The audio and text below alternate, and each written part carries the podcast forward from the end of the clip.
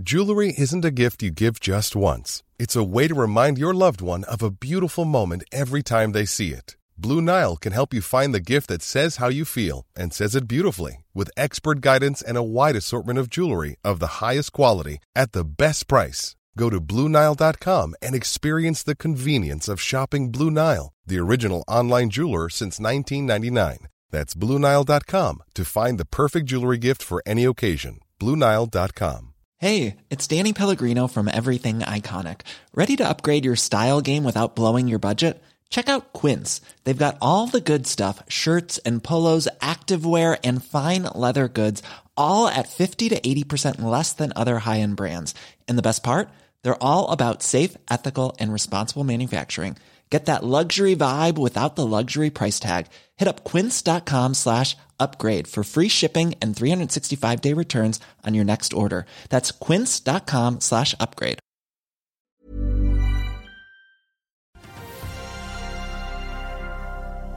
Nok en bank kollapser i USA, men både amerikanske og britiske myndigheter kommer løpende med tiltak. Er renteøkningen hos Fed nå lagt i skuffen? Og Norse Atlantic kjører i gang runde to av pengeinnhentingen sin. Det er mandag 13. mars. Velkommen til Børsmorgen.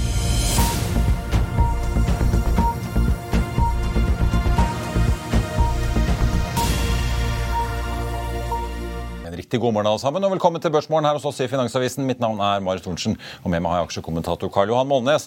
På en dag der bankkollapsene av både Silicon Valley Bank og nå også Signature Bank naturlig nok vil prege nyhetsbildet og sendingen. Leif Rune Husby Rein, investeringsdirektør i Nordea Liv, er med oss straks som dagens gjest. Hovedindeksen endte ned på Oslo Børs 1,1% på fredag, og eh, får vi si da uken ned 2,8% Så langt i år da ned 2, nei, unnskyld, opp 2,6 I dag venter imidlertid både DNB og Nordnett at vi vil se børsen tikke oppover etter vi har sett at de asiatiske markedene har hatt en ganske solid opptur, da med unntak av Nikkei-indeksen, i kjølvannet av at altså både britiske og amerikanske myndigheter har sust inn og, og, tatt styringen over to banker, og at det ser ut til at uh, innskuddene er sikret i Silicon Valley Bank. Nordsjøoljen opp en drøy halv prosent til 83 dollar og 20 cent. Den amerikanske lettoljen opp en halv prosent nå til 70 87.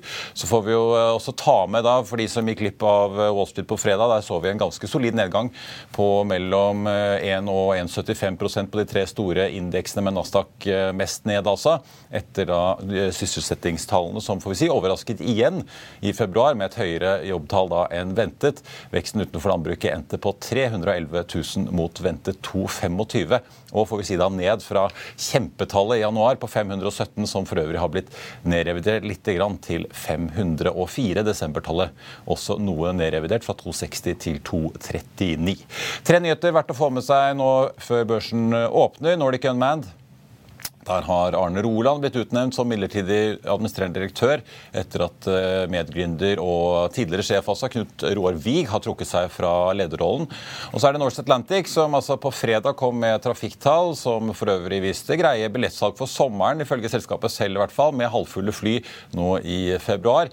Litt, etter, eh, litt senere på dagen, klokken fire, så kom meldingen altså om at reparasjonsinvisjonen nå skal gjennomføres i april. Selskapet hentet jo i november eh, da penger på en eh, kurs på 2,50 mot da sluttkursen 24.11., som var 4,16. Det sendte jo aksjen kraftig ned den gangen. De hentet 300 millioner på 250. Siden den gang så har jo kursen på flyselskapet sust opp og ligget eh, forrige uke da mellom 4,40 og nesten 5,5 kroner aksjen. Nå ruller de altså ut reparasjonsemisjonen for å få inn potensielt da 150 millioner kroner til, som betyr at de nesten har fylt kassen med en halv milliard. Eh, Norse Atlantic varslet jo at de måtte gjøre denne litt overraskende emisjonen for å fylle opp kassen i sitt britiske datterselskap for å etterleve myndighetspålagte buffer buffere, får vi si. I tillegg så opplyser Norse Atlantic at de er i gang med å forsøke å starte flytteprosessen opp fra Euronex Growth opp til Euronex Expand, gamle Oslo Access, i løpet av første halvår. Og så har det kommet en melding fra Statkraft, som jo eh, er en av de virkelig store fornybargigantene i Europa. Nå vil de vurdere mulighetene for å invitere nye eiere i det heleide ladeselskapet sitt mer, for å sitat, støtte selskapets vekststrategi. Statkraft sier at de vil fortsette å være en aktiv og dedikert majoritetseier, og Carnegie Carnegie og SEB er hyret inn som eh, rådgivere. Mer ble jo da grunnlagt, grunnlagt tilbake i 2009 under navnet Grønn kontakt. Da Karl Johan, eh, tenkte jeg vi må begynne med bankene. Du skrev jo i helgen om at uh, dette kanskje bare er uh, starten på en krise, men at det ikke blir så ille som finanskrisen? Nei, men det er jo, det er jo fordi at uh, de store bankene er fullt kapitaliserte. Og dette her er et oppgjør da med 15 år med gratispenger. Og da ligger problemene i småbankene og i skyggebanksystemene, da, som, som vi fikk se med hedgefond, som plutselig bare stengte ned en bilforhandler når de ikke fikk et obligasjonslån på 222 millioner dollar. Og, men en ting er jo bedrifter ja. som begynner å slite med en kraftig økning i rentene. Altså, det er jo Silicon Valley tross alt topp 20-bank i USA, da. Jo, men, men det, er... det, er mange som har fått banklisenser som ikke er banker. og Det, det må jo ofte en makroøkonom til, som Steve Leesman på CNBCC, som sa at Silicon Valley Bank is not really a bank. altså Den er tatt imot innskudd. Og så har en nytt litt sånn venturelån for at de skal komme seg på børs. Men eh, nå ser det mer ut som en sånn spesialengasjementsportefølje for 40 000 kunder. Og det er jo ikke ideelt. da, For banker liker jo ikke å låne ut eh, penger til folk som kan tape de. Altså, de, de skal være helt sikre på at de får tilbake pengene. Og, og den eneste panten Silicon Valley Bank har, er pant i framtidige inntekter, og det holder jo ikke i noen annen bank. Nei. Men vi får ta med det nyhetene, for vi skal ta en dag i sist og diskutere litt konsekvensene av dette. her. Men det som har skjedd, fredag tok altså FDIC kontrollen amerikanske myndigheter over Silicon Valley Bank. I går på søndag så kom meldingen om at Signature Bank ja. også var tatt under administrasjon og da i realiteten kollapset litt, tabloid sagt. Og det, det en, uh... og, det skrev jeg jo også om at det er den banken som ligner mest på Silvergate Bank. Men, men Silvergate da var liksom eh, Det var ren kryptobank, altså som et slags sånn felles vaskeri eller et felleskjøp. Eh, der du fikk liksom krypto inn i, i, i eh, USA. Men det er klart det, han, Sam Bankman-Fried han var jo stor kunde av det. Men det er mye lettere å komme inn til en bank i California med T-skjorte og korte bukser og joggesko enn å gjøre det i New York. Eh, det er fortsatt litt stil i New York. altså Det, det hjelper, og det er aldri skade adresseslips i New York. Silvergate la seg jo ned, eller de avviklet jo frivillig. Så nå har vi to banker som har blitt satt Ja, og dette her er New York, og, og, og det er en kryptobank det også, men ikke så utprega. Og jeg tror Barney Frank, han tidligere styreformann, som eh, er med på dette. Det, det er eh, litt overraskende at de stenger ned, men, det har vært masse beskyldninger om at her foregår det ting som ikke burde foregå. Og, og eh, det igjen da ikke en vanlig bank, men mer en slags sånn innskuddsbank. Da, og når folk da begynner å trekke ut pengene sine, så er det over. altså. Ja. Ja, for Det var jo det som for så vidt skjedde eh, fredag. at uh, Det var ikke en, uh, får vi si, i dagens verden da, en digital bankrun. Ja, vi, jeg gleder meg til filmen om Silicon Valley Bank. Det, det, blir en perfekte film. Om det blir komedie eller tragedie eller thriller, vet jeg ikke. Men du kan ha, du kan ha da Arnold Schwarzenegger som helten og Peter Thiel da som The Bond-villen som gjør bankrun på, på dette her. Og, og, og starter eget Han kommer jo sikkert til å starte eget sånn digital bank for oppstartsselskaper der de kan sette pengene sine i mot at han får et lite fi. Ja.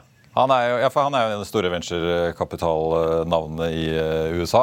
Og skal da ha gått rundt og sagt at nå trekker vi ut pengene her. For at ja. uh, den banken klart, her ser ikke trygg ut. Du, du, får ikke 42 milliarder dollar uh, fra en bank på en dag uten at du har hjelp innenfra. Det, det, det, det, gjør du ikke, altså, for det, er bare så mye du klarer å få ut digitalt. Ja. Så her eh... så Wall Street Journal skrev at uh, kunder prøvde å ta ut 42 milliarder dollar altså ja. på 9. mars på torsdag. Ja fra Silicon Valley Bank. Ja.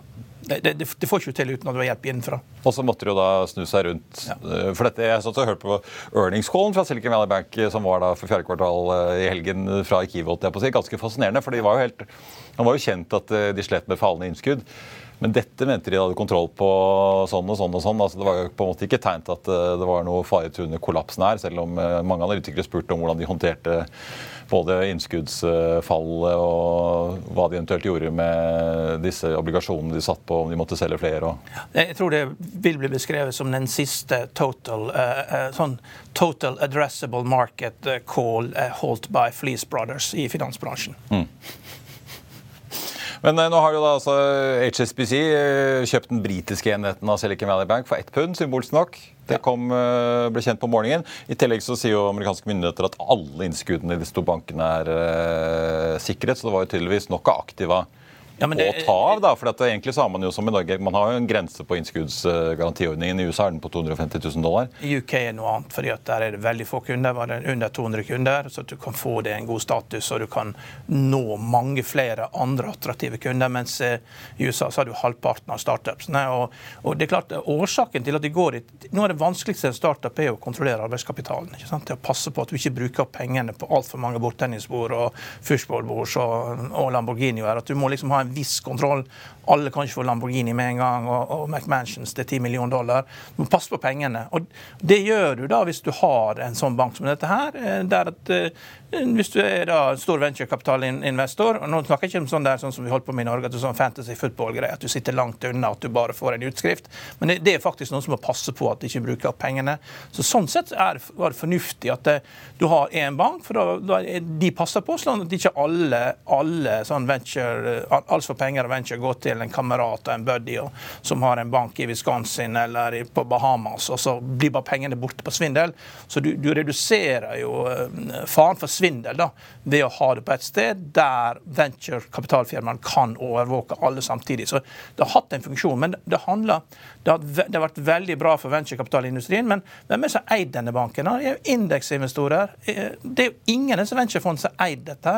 Så her går jo indeks Selv om halvparten av pengene i bransjen tydeligvis gikk igjen ja, ja, der. Pluss masse venturepenger fra Kina. Det er bare å lese liksom, det, ja, ja. det er BlackRock. Det er bare sånn det er ingen aktive investorer. Og så her har det da blitt blåst bort 40 milliarder dollar. ikke sant?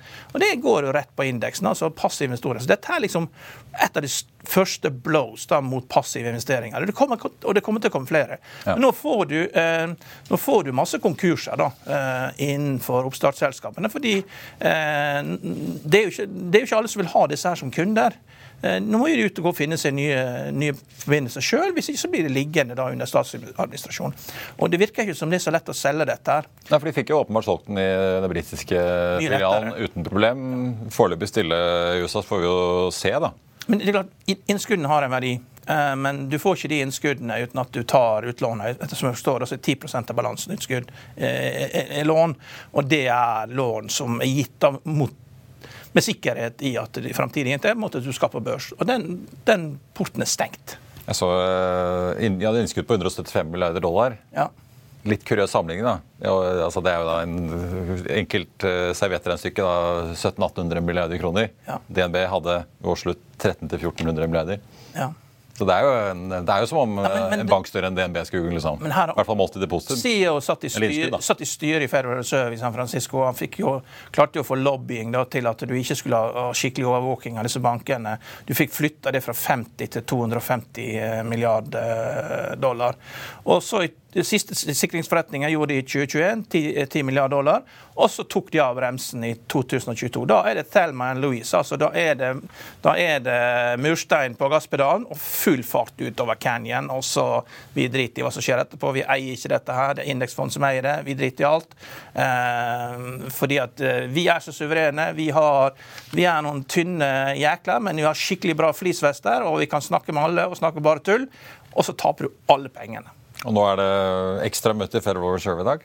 Ja, Etter stengetid på europeiske børser, riktignok. Ja, ja, og det er jo, De skal jo diskutere hva de skal gjøre med resten av, men eh, i verste fall så blir jo det liggende som en statseid bank. Tar man ut innskuddene, så blir det kjørt da til run-off, dette her, hvis ingen vil ha det. Mm. Ja.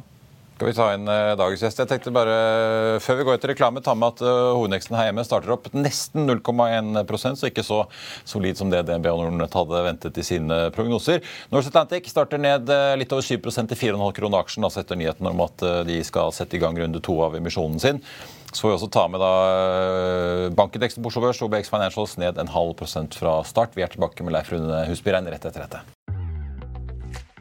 Vil du bli oppdatert på det viktigste som har skjedd innen finans og næringsliv? Da er det bare å følge med, for hver morgen er jeg, Marius Lorentzen og aksjekommentator Karl Johan Malnes på plass i studio for å ta tempen på dagens marked i Børsmorgen. Og hver ettermiddag oppsummerer vi alt du trenger å vite i økonominyhetene, og det blir selvfølgelig masse interessante gjester. Klikk deg inn på fa.no-tv, eller søk opp Børsmorgen og Økonominyhetene der du hører på podkast.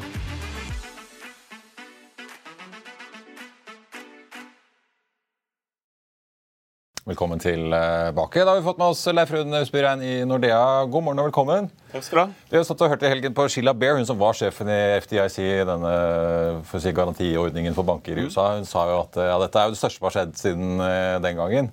da hun satt og styrte garantiordningen. Men den gang så har hun tross alt vi håndterte jo over 400 bankkollapser. Det kan nok ikke sammenlignes i det hele tatt. Og som dere har sagt eh, hittil, så er det jo dette en veldig annen situasjon. Men, det som Men hva er- tenker du når du faktisk begynner å se Tross alt, da, det er ikke JP Morgan som kollapser, men det er jo liksom Ja, finansinstitusjoner dog, da. Ja, For oss som husker tilbake til finanskrisen, og med på det, så var jo problemet i utgangspunktet det at eh, virkelig frykten fikk satt seg i markedet. Man tok ikke tiltakene man trengte for å stoppe den på mange måter eh, nedadgående spiral man eh, hadde. Brukte for lang tid. Eh, Ingen av disse tingene ser ut til å være tilfellet i dag. For det som skjer når frykten sitter seg, det er det at alle begynner å se på hei, fins det noen andre her? Eh, og så får vi det som, eh, som eh, man kaller eh, eh, jakten på den svakeste part, eller the weakest link. Og da får man situasjoner hvor egentlig selskaper, banker, som egentlig ikke har noe problem, plutselig får det. Fordi at du kan få skapt bankruns på dem.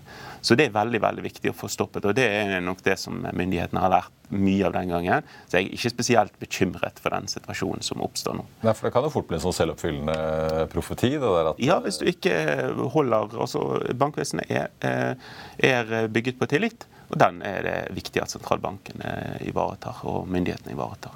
Nå er, eh, vi skal snakke litt om non-farm, og som også får vi jo inflasjonstall fra USA i morgen. eh, Men Goldman Sachs ut på morgenen i dag med et uh, nytt makrononsat hvor de sier at nå tror de ikke kanskje Fed kommer med noe renteøkning på møtet sitt nå i slutten av måneden likevel, når de ser hva renteøkning har hatt å si for banksektoren.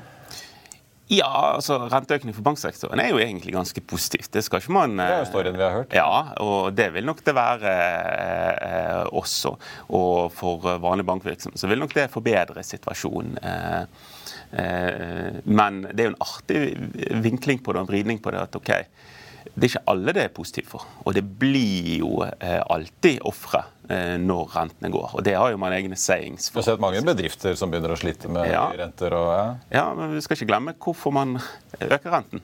Det er jo for å dempe aktiviteten. Så få det. Og vi er jo i en situasjon nå, og vi har jo vært det lenge, egentlig fra sommeren i fjor, hvor, hvor makrodata definitivt har eh, kommet inn bedre enn ventet. Eh, Så markedene har klart seg bedre, etterspørselen har vært bedre, arbeidsmarkedene har vært bedre. Og dette har vi jo indekser som, eh, som man kan måle, disse overraskelsesindeksene.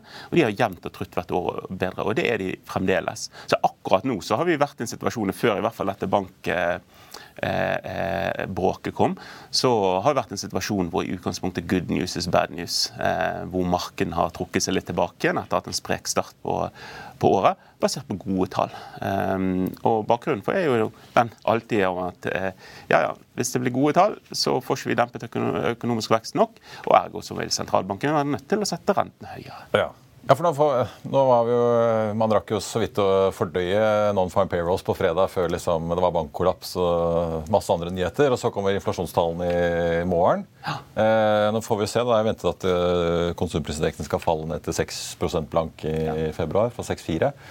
Men det var jo mer jobbskapning enn ventet på fredag. da. Ja, tallet var igjen bedre enn ventet, men det var ikke sort-hvitt, den rapporten.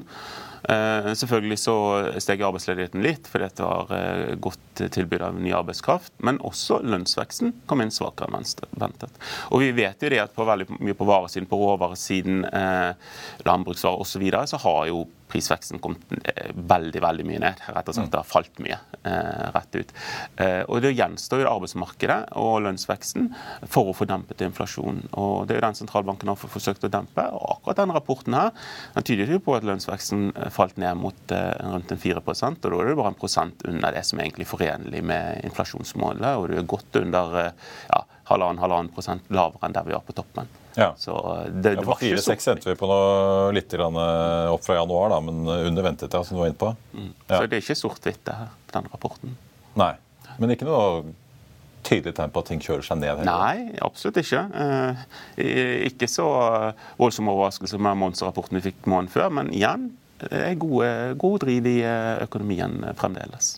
Men uh, nå er det jo veldig lett å snakke om disse bankene opp mot rentemøtet og tenke ok, må Fed nå begynne å se mer effekten av renteøkningene som de tross alt har gjennomført det siste året, før de går videre? Hva, hva tror du de gjør? Sist gang jeg var her, så sa vel jeg at den største faren eh, akkurat nå den gangen var at eh, sentralbankene ikke var tålmodige nok til å vente på å se på effekten av det de hadde allerede gjort, og at ergo så kom det en situasjon hvor du gjør for mye. Eh, og det kan jo være det at de allerede har gjort det i forhold til den eh, eh, Vi, kommer jo fra nullrente, altså, så vi skal ikke glemme det. Så, så, det kan være det at de allerede har gjort nok, og sånn sett bør begynne etter hvert å bremse, selv om inflasjonstallet ikke er kommet ned. For vi vet jo det at There's never been a faster or easier way to start your weight loss journey than with PlushCare. PlushCare accepts most insurance plans and gives you online access to board-certified physicians who can prescribe FDA-approved weight loss medications like Wigovi and Zepbound for those who qualify. Take charge of your health and speak with a board-certified physician about a weight loss plan that's right for you. Get started today at plushcare.com slash weight loss. That's plushcare.com slash weight loss. plushcare.com slash weight loss. I'll see you in court. Vi sier det ofte litt på spøk, men for deg som driver business, er det aldri moro å innse at du ikke har laget en 100% gyldig kontrakt. Du bør ikke risikere hele firmaet ditt fordi du synes dette med kontrakter er litt stress. En avtale er ikke en avtale. Du kan miste kunder, miste venner, ja, til og med miste inntekter om du ikke lager en skikkelig kontrakt, på alt mulig, egentlig. Men vi vet det er et styr. Kopimaskiner, tregprinter og haugevis av papir. Dessuten stoler vi jo på folk her i landet. Det er ofte litt kleint å skulle be om en signatur for alt mulig, ja, for mye av styret handler også om jakten på underskriften.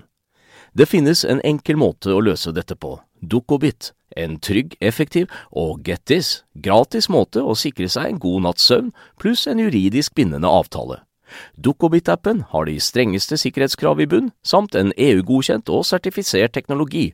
Framover vil det bli behagelig å spørre du, skal vi skrive under på det, eller? Kom i gang på dokobit.no. Inflasjonen er etterslepende. Ja. Seig. Ja. ja. Rett og slett treig. Eh, men sånn, for, sånn, som for dere, da, som sitter og forvalter jo veldig lange penger. Mm. Eh, gjør dere noe grep nå? Ja, altså... Fordi man kan jo liksom, Hvis man ser på finanskrisen, da, hvis man unngikk en sånn, den verste fallet der, så kommer man jo ganske mye bedre ut av det. Ja, altså I utgangspunktet så er det jo vi ser igjen på den positive siden, så har vi jo nå plutselig eh, en eh, tilbake egentlig til mer sånn klassisk eh, kapitalforvaltning, hvor du eh, faktisk får beskyttelse i renter. Eh, så, så, på mange måter diversifiseringen fungerer igjen. Eh, det er jo det så vi ikke i forkant av i fjor, gjennom fjoråret, og pga. at renta steg samtidig som markedene var ned. Noe som er veldig uh, uvanlig. Men uh, for langsiktige investorer så er vi i en situasjon nå hvor uh, aksjemarkedet er sånn høvelig ja, på snittet priset historisk, og renter er plutselig attraktive igjen. Så, sånn sett så er jo utsiktene bra, men usikkerheten ligger jo der. da. og Hvis du spør sånn helt konkret på oss, så er det klart at det kommer an på hvilken penger man snakker om, og hvilken portefølje man snakker om. men men høyere renter f.eks. på et livsselskap er jo utelukkende positivt. Da får man replassert eh, eh, kapital til en høyere løpende rente, og da er jo man under eh, hva skal vi si, eh, et regelverk hvor man skal eh, i hvert fall klare garantirenter. Um, og det blir jo lettere når renta stiger. Ja, Når du plutselig får 4 Ja, Ja, da, og da, altså Du vil jo se det på alle livselskaper, Sånt, så vil jo Solvency, liksom, ja. solvency eh, eh, gå opp i den situasjonen, som indikerer en bedre situasjon.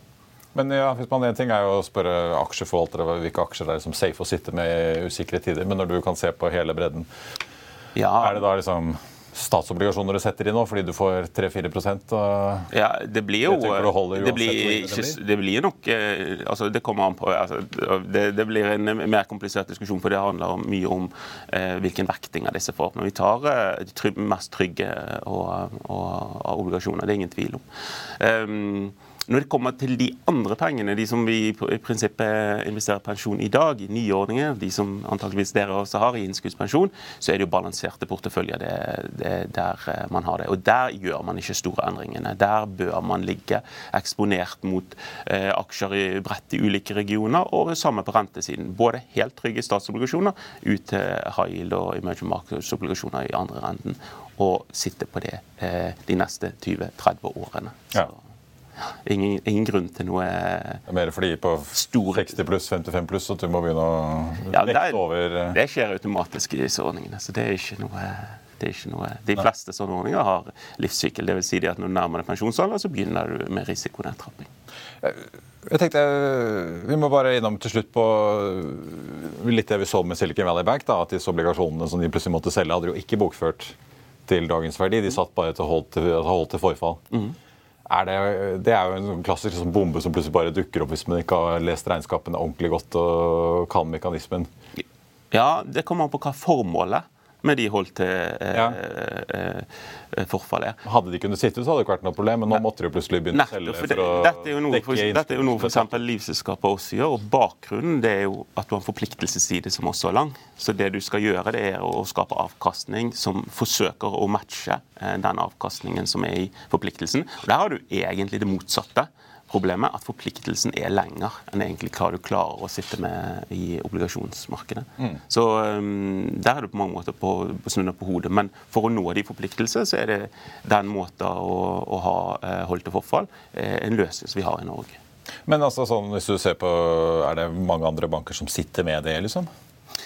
Det kan nok sikkert være eh, ulike, men nå må jeg nesten spørre en bankanalytiker. Men jeg har jo sett noen eh, beregninger i løpet av helgen jeg også på, eh, på noen av disse mindre bankene fra USA, hvor man ser etter. og Det ser jo ikke ut som, som det er i nærheten av det som vi har sett på Silicon Valley Bank, men det ser ut som noen har noe. Mm. Eh, definitivt. Det er Charles Schwab, da, som eh, det er Tier 1 eh, Capital har tapt. Og den er insolvent, men det, det, virker ikke som at det betyr noe, for det, de, det, det, virker å være lange forpliktelser. da. Ja. Så, og dette her tror jeg har kommet litt som julefjellen på kjerringa, fordi, fordi dette er jo tradisjonelt sett det har vært en en megler som har blitt internettmegler, og som har gjort et stort oppkjøp. og så har man litt, rett og slett altså 560 milliarder dollar i balanse, og så plutselig våkner man en dag, og så har man tapt 15 milliarder dollar på en, på en urealisert, uh, urealisert, tap på porteføljer. Men der vil det måtte komme kapital inn. Det er merkelig hvor lite man snakker om dette. her, og Det er jo for at eh, det går an å være insolvent mm, så lenge det er at du ikke får Og der får ikke du noe rønn på kapitalen. da. Ja. Men de må jo løse det også. Det er, dette, det er USA, og, og, da gjelder kapitalismen, og du må rekapitalisere. Du kan ikke late som at alt er OK.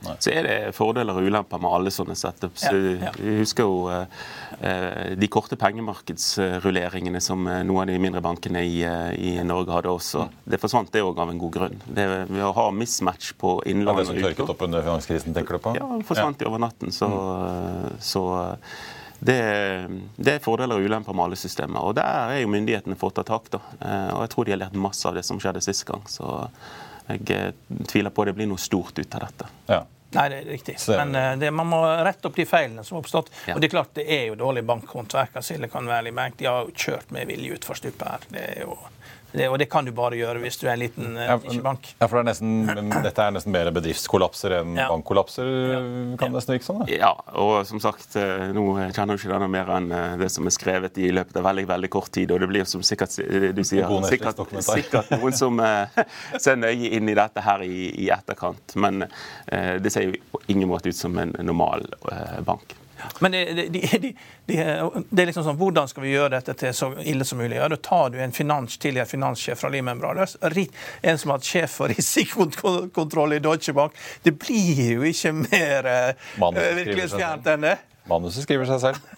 Og så jeg de, de, klarte å selge noen aksjer i egen bank og de siste ja, ja. månedene. så det ut som. Ja, det fortjener de, for det er et godt skuespill. Det blir nok et uh, Noen skal ettergå bøkene litt her, tenker jeg. Men uh, igjen så jeg bare minne om den situasjonen at vi er jo i en situasjon hvor vi fremdeles forsøker å dempe aktiviteten i økonomien. Og utfordringen til sentralbanken den siste tiden Ja, det har vært inflasjon, det har vi snakket masse om, men det har jo også vært det at uh, det har ikke bremset like mye som man har kanskje håpet på. Og nå kommer Kina for full fart utover året? Nettopp, og det gikk mye bedre i Europa enn vi fryktet. Så ja, altså, Vi hadde en energikrise, det var helt garantir, garantert at vi, vi kom til å ha en resesjon i Europa. Det er ikke like garantert lenger. Så ja, det har gått bedre i USA, Kina kommer, og det har gått bedre i, Europa enn vi fryktet. Så man skal ikke glemme det i bildet også.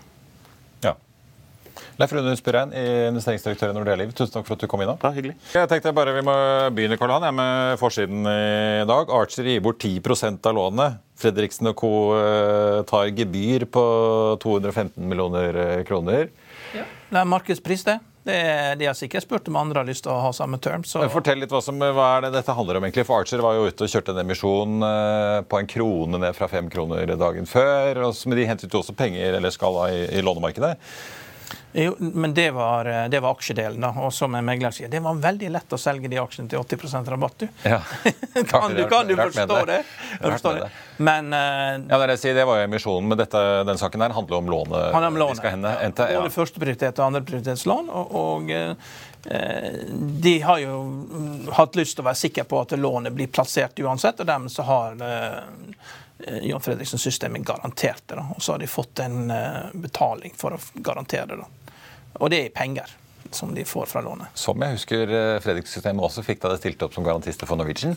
Ja. De er store aksjonærer. Ja, riktig. Ja. Nei, så det, det, her er ganske mange templates som kan brukes her. Så det, så det, eh, det som er spesielt med Archer, det er jo at de driver med plattformboring på land og til vanns. Og, og, eh, de har jo faste kontrakter. Hvis det får boom, så får jo ikke de betalt noe mer. Det er bare at de mister jo folkene sine. Mm. Det er ikke noen god forretningsmodell, dette. Og eh, rentene på andreprislån er opp til 17 eh, så det er det, det, det, det, er jo forbrukslånsrente. Liksom. Det, ser ut som at du tar selskapet av børs i en tostegsprosess, der at du først uh, gir folk en mulighet til å overleve på én krone aksjen, og det vil jo tilsynelatende kunne gå bra en liten stund, men så vil jo dette ende opp hos kreditorene. Det er kreditorene. Og det, Du ser PGS også ganske sterkt ned i dag. Ja, for Aksjer ned 11,8 nå til ja. 1,2, så fortsatt eh, en 21 øre over emisjonskursen. Men PGS, som også er ute i neste år markedet og skal hente penger, ned litt over 6% nå.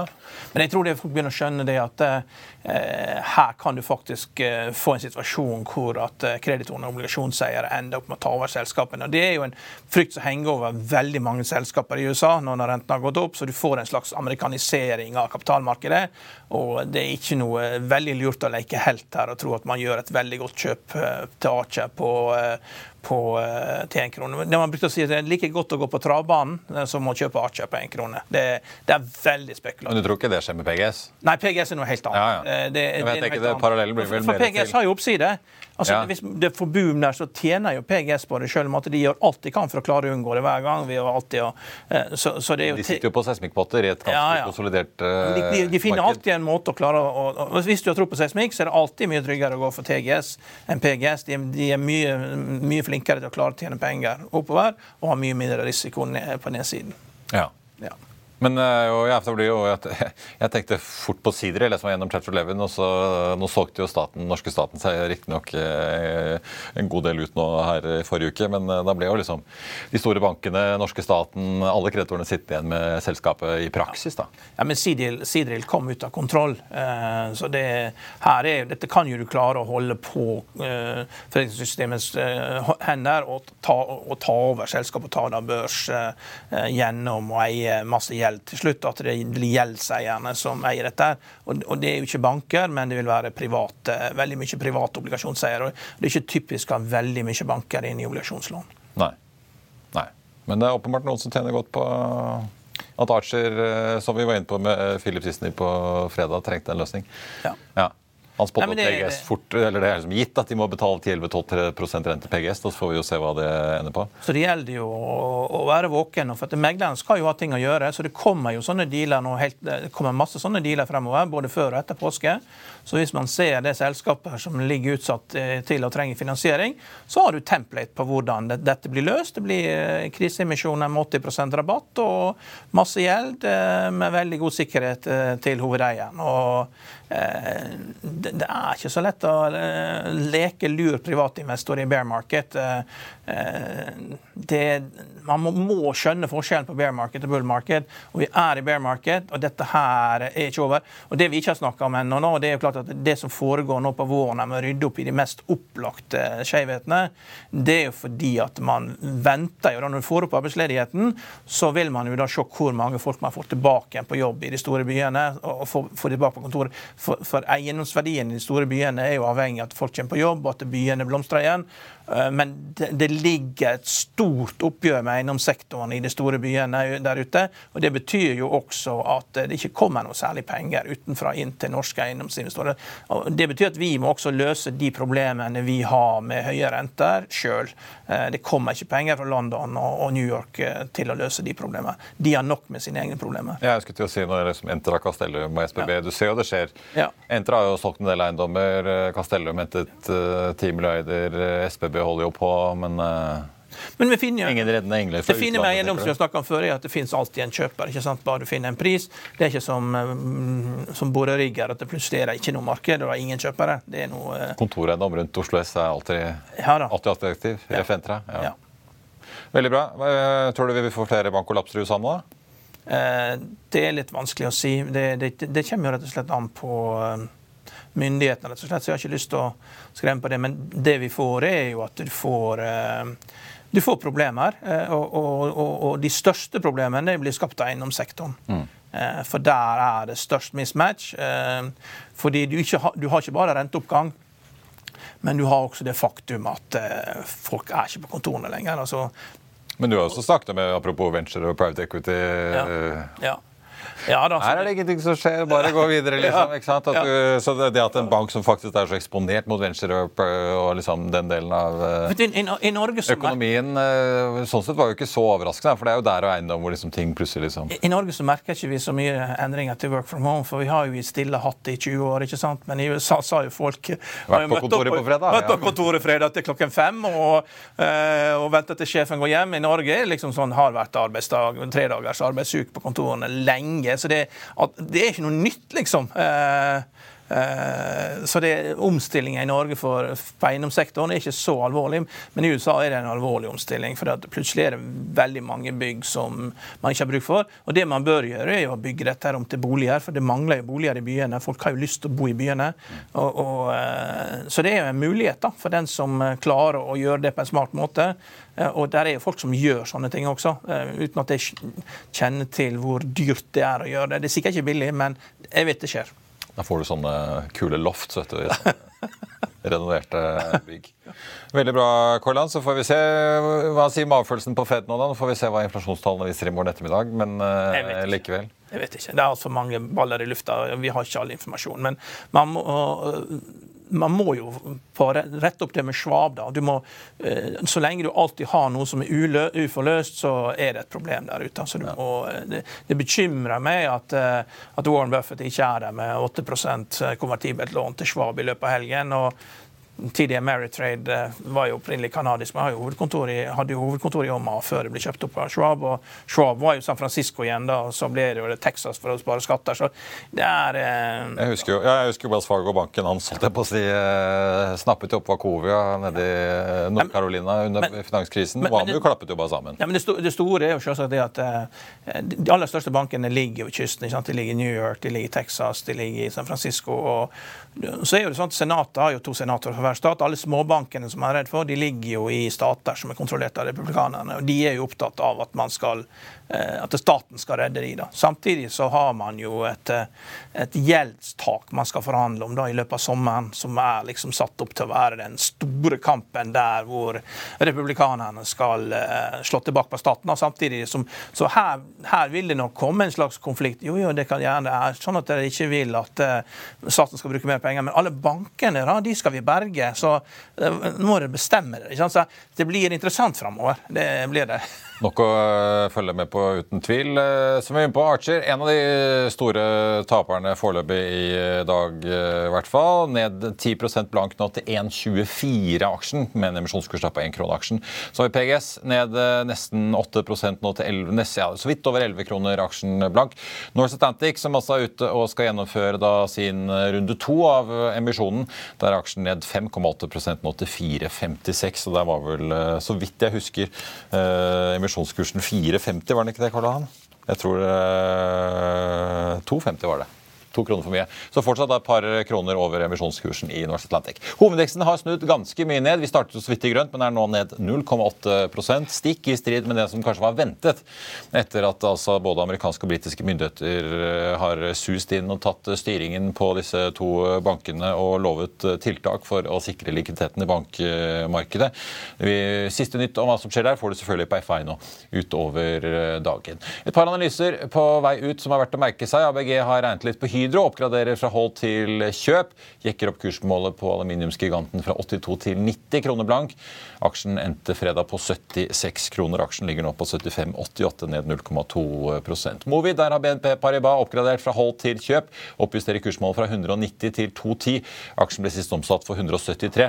Der får vi jo slenge på at vi går jo nå og venter på at eh, det endelige forslaget fra regjeringen for grunnrenteskatten på havbruk, altså på lakseskatten, eh, er ventet Eh, når som helst, egentlig. Nå før påske så får vi se det spekuleres i om det kommer før eller etter landsmøtet i eh, Senterpartiet. På listen over de mest omsatte aksjer ligger PGS da med et kraftig fall inne, faktisk på topp nå.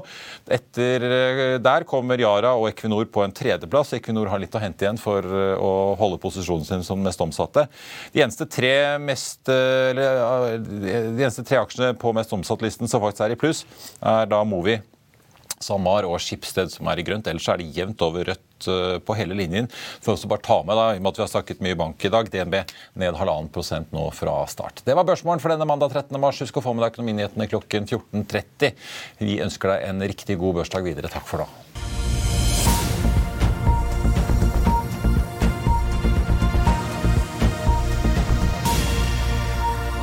Økonominyhetene er en podkast fra Finansavisen. Programledere er Marius Lorentzen, Stein Ove Haugen og Benedikte Storm Bamvik. Produsenter er Lars Brenden Skram og Bashar Johar. Og ansvarlig redaktør er Trygve Hegnar.